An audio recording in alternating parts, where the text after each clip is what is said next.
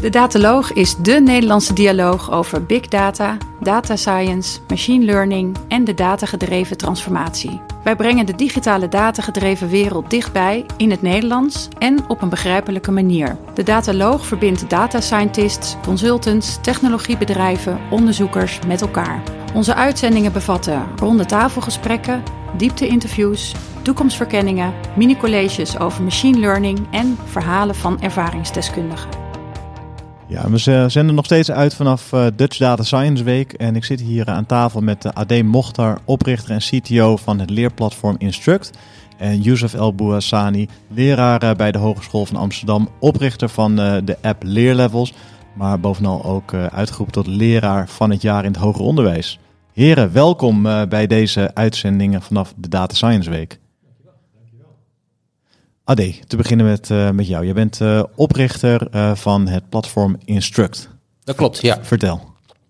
Instruct is een, is een spin-off van Xebia. En dat is eigenlijk ontstaan ehm, als gevolg van het consultingwerk wat we eigenlijk altijd doen bij Xebia.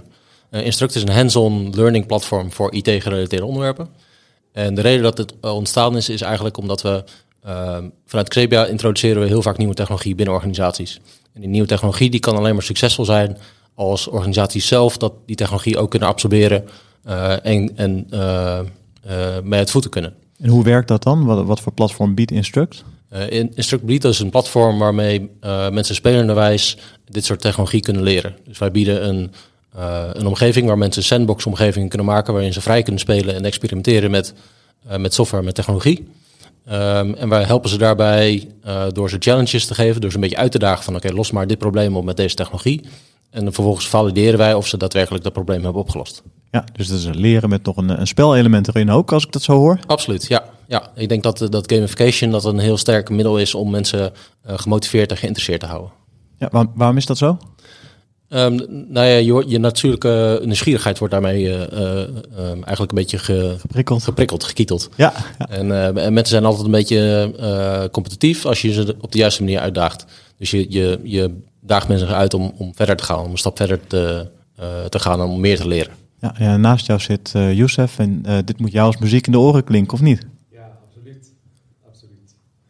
Ja, zeker. Dat is heel, erg, heel, heel, erg herkenbaar en dat is wat je natuurlijk ook als docent probeert te doen. De nieuwsgierigheid van, van, je, van je studenten aanwakkeren.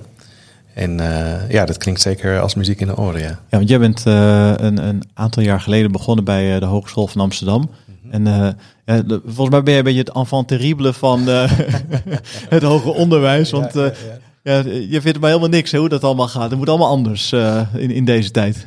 Nou, het is voor, het, zeker, er zijn heel veel dingen die, die anders in beter kunnen. Uh, begrijp me niet verkeerd, we hebben in Nederland een fantastisch onderwijssysteem. Uh, maar een van de dingen waar we het vandaag in, in de panel over hebben gehad, is de samenwerking tussen bedrijven in, in onderwijsinstellingen.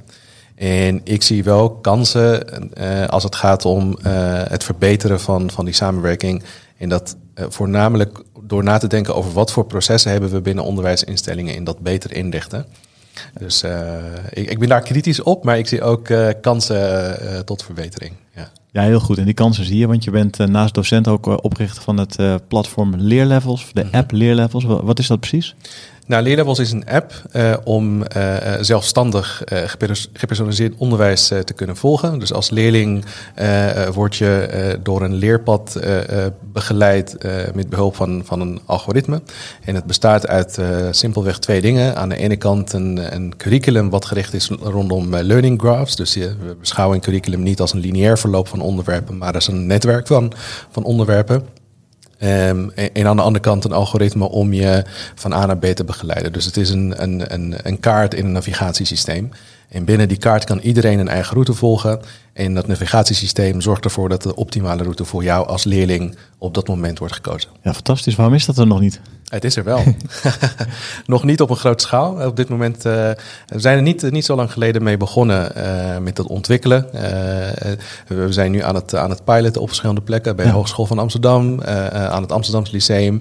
En hopelijk binnenkort met de Openbare Bibliotheek van Amsterdam. waar we een soort van een leerhoekje willen inrichten. Zodat iedereen eigenlijk in, in, in zijn of haar eigen tempo kan komen leren. En hoe, hoe, moet ik me dat voorstellen? Is dan het hele curriculum uh, is dat, uh, ingeladen in dat systeem? En uh, houdt het ook bij wat voor resultaten je hebt gehaald in het verleden al? Of hoe werkt dat? Ja, exact. Dus het, de, de, het curriculum is in, in, ingericht rondom hele concrete leerdoelen. En op het moment dat je iets hebt gehaald in, behaald in het verleden, dan wordt het soort van afgevinkt. Het is groen. En dingen die. De studiepunten. De studiepunten zijn midden inderdaad. Ja. Ching ching. Um, en, en het systeem houdt het bij. En, en, en het heeft als voordeel dat stel je hebt twee, twee docenten die, die uh, twee vakken geven waar je twee vakken moet, uh, moet volgen. En die twee curricula overlappen voor een deel. Dat betekent dat het systeem weet van hey, bij een ander vak heb je deze onderwerpen al gehaald. Ik ga dat niet nog een keer uh, checken. Een soort vrijstelling. Een soort van een vrijstelling, ja. ja. En vaak op als je het op de traditionele manier doet, heb je daar vaak geen zicht op. Dan zeg je, weet je wat, we beginnen weer van, uh, van stap 1. En sommige docent, uh, studenten haken, haken dan af omdat ze het al weten. Ja. Of omdat het juist te moeilijk is. Dus dan hebben wij zo'n systeem ontwikkeld om, om, je, om je te helpen. Ja. Als je bijvoorbeeld een, een, taal gaat leren, je gaat leren Russisch spreken of Chinees, dan, dan ga je ook niet alleen lezen, maar je gaat ook spreken en luisteren. Uh, en je gaat het ook echt doen. Mm -hmm. als ik kijk naar technisch onderwijs, um, is dat dan, is dat dan hetzelfde? Is het ook zo dat je echt hands-on aan de slag gaat? Of is dat toch nog meer theorie als je kijkt naar het huidige onderwijs? In, in het, we doen steeds meer met, met hands-on. Dus dat, daar ben ik heel, uh, heel blij mee. En het is een echte must als je uh, de, de, als je iets met techniek wil doen, dat je echt dingen moet, moet, moet proberen en echt in de praktijk. En, en sterker nog, je moet, soms moet je eerst iets proberen, dus iets uit elkaar halen en iets gaan testen. En dan ontstaan er allerlei vragen. En dan denk je van, ja, hoe moet ik dat nou eigenlijk oplossen? Dan ga je terug naar de theorie, dan zoek je het stukje kennis bij die je nodig hebt. En dan ga je dan verder terug naar het probleem om dat verder op te lossen. Dus het is echt heel erg vraag, soms is het heel erg vraag gestuurd. Want tijdens de presentatie uh, werd ook uh, aan uh, de deelnemers gevraagd: hoe leer je het liefst? Luister je het liefst? Of ga je het liefst iets doen? Nou, dat was overduidelijk. Hè? Alle handen gingen omhoog toen het ging ja, over doen. Ja. Um, en ja, dat doen zou wat dat betreft ook een integraal onderdeel uit moeten maken van de manier hoe we, hoe we leren. Absoluut. En, ja. en dat is ook uh, de dat grondreden voor Instruct, of niet? Dat exact, ja. Dat, dat is precies waar wij uh, uh, op focussen. Wij geloven dat je technologie alleen maar leert door ermee te spelen. Je moet, je moet het, ja, getting your hands dirty. Ja. je ah. moet fouten kunnen maken. Je moet... eerst maar doen en dan zie je wel waar je tegenaan loopt en wat je nog niet weet. Exact, ja. Dus wij geven mensen niet, niet een stappenplan. Je moet nu dit intypen, dat doen, hier klikken, zus doen. We geven ze alleen een opdracht van, oké, okay, we zorgen nou dat je dit voor elkaar krijgt, gegeven deze technologie. En we helpen je, als je vastloopt, met wat hints. Maar je moet het zelf uitvinden. Je moet zelf uh, ontdekken waar, uh, hoe werkt de technologie, uh, wat moet ik doen en wat is nou de, daadwerkelijk die oplossing. En, en, voor wat voor onderwerpen kan ik daarvoor bij, bij jou terecht? in principe focussen we op dit moment ro alles rondom cloud, DevOps, CI/CD, maar ook data, data science, data engineering. Zijn het onderwerpen die op de Hogeschool van Amsterdam ook onderdeel zijn van het huidige curriculum? Ja, nog niet. Wat, wat we merken is dat er heel veel aandacht wordt besteed aan, aan de, de, de algoritmekant. Dus hoe schrijf je een algoritme? Hoe zorg je ervoor dat het werkt? Maar, ja, maar dat doet de cloud al. Ja, nee, dat, dat, is, dat is wel heel interessant. Want het is een, een belangrijke skill die gevraagd, veel gevraagd wordt. Namelijk, hoe, hoe doe je dat nou in de, in, in de praktijk? Hoe zorg je ervoor dat je de model, uh, modellen deployt en productie neemt? Daar wordt nog geen aandacht aan besteed, terwijl het wel een heel belangrijke skill is. Ja, ik zie iets moois ontstaan hier ja, aan nee, de ja, overkant van de ja, tafel. ik, ik zie opties, ja. ja. Nee, maar dat is ook wat, wat Giovanni uh, natuurlijk aangaf. Van, uh, heel veel van, uh, van het werk binnen data science is niet zozeer het, het, mooie modellen maken, maar er gaat ook heel veel tijd zitten in data opschonen, maar ook in dingen live in productie krijgen en dat daar houden en op een goede manier doen. En dat zijn allemaal onderwerpen waar we, waar we ze bij kunnen helpen. Waar, waar mensen gewoon hands-on training nodig hebben om dat, dat voor elkaar te krijgen. Ja, jullie zijn beide op jullie uh, eigen manier en eigen terrein bezig met uh, de manier hoe we leren te vernieuwen. Um, als we nu een stukje vooruit gaan kijken naar de komende vijf jaar. dus nieuwe studenten gaan starten, nieuwe mensen tre treden toe tot de arbeidsmarkt, mensen gaan omscholen.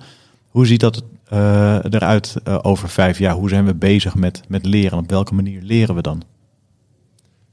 Ik denk dat we, dat we veel meer naar een situatie toe gaan waar we continu aan het leren zijn. Dus je, je, je, je rond niet meer alleen een, uh, opleiding af en bent voor eens klaar met je leven. Uh, met, met oh, niet met je leven, met het leren in je leven. Ja. Ehm, maar je gaat continu, kom je nieuwe problemen tegen, nieuwe uitdagingen, nieuwe technologie wordt geïntroduceerd. Dus je moet continu blijven leren.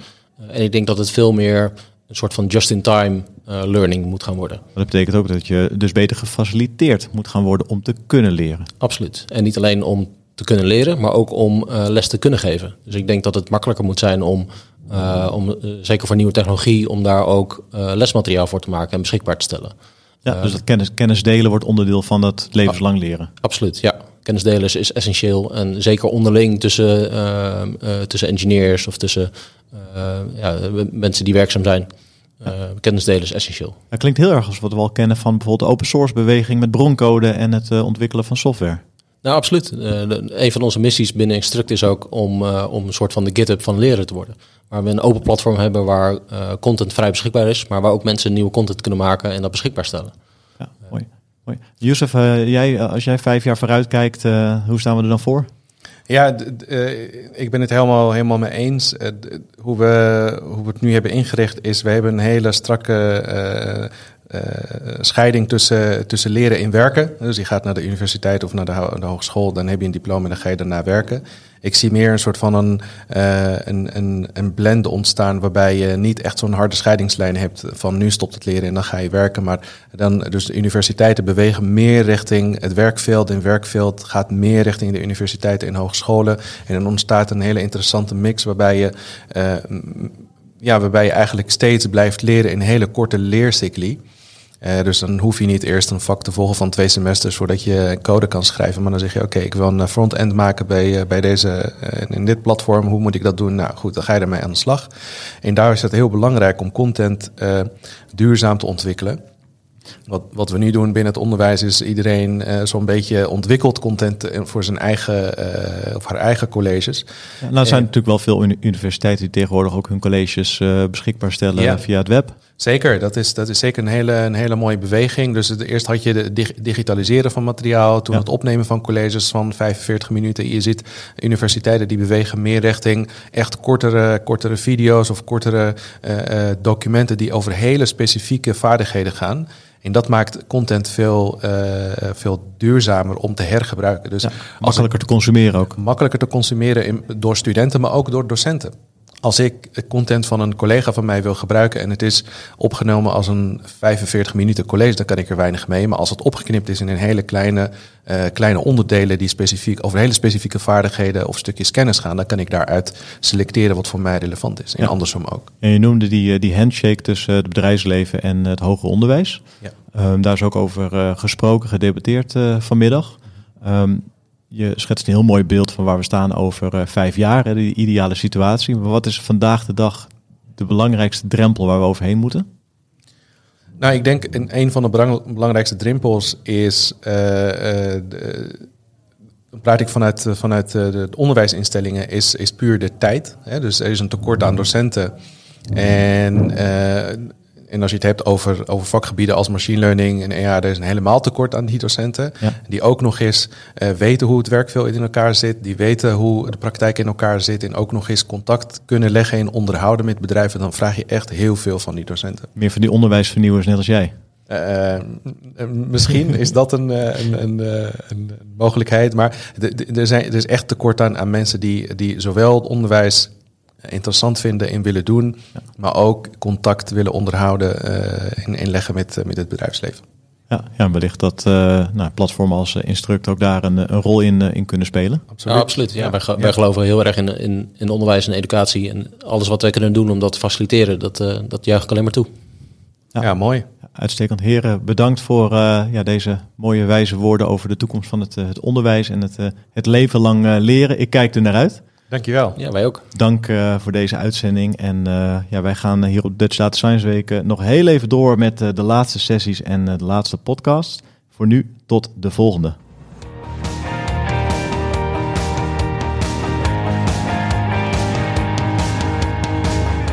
Bedankt voor het luisteren naar deze uitzending van de Dataloog podcast. Wil je automatisch wekelijkse podcast ontvangen? Klik dan op subscribe in jouw favoriete podcastprogramma. Vond je onze podcast leuk, goed, interessant of wellicht te veel ene en nullen? Laat een review achter of geef thumbs up. Heb je vragen of opmerkingen? Kijk dan ook eens op www.dedataloog.nl. Hier staan ook de show notes van alle uitzendingen. De studio van de Dataloog is gesponsord door het onderzoeksprogramma Urban Technology van de Hogeschool van Amsterdam. Alles wat we maken doen we onder Creative Commons. Je mag alles hergebruiken voor niet-commerciële doeleinden, zolang je ons als bron maar noemt. Volg ons op Twitter op @dedataloog. Graag tot de volgende keer en voor nu, tot data!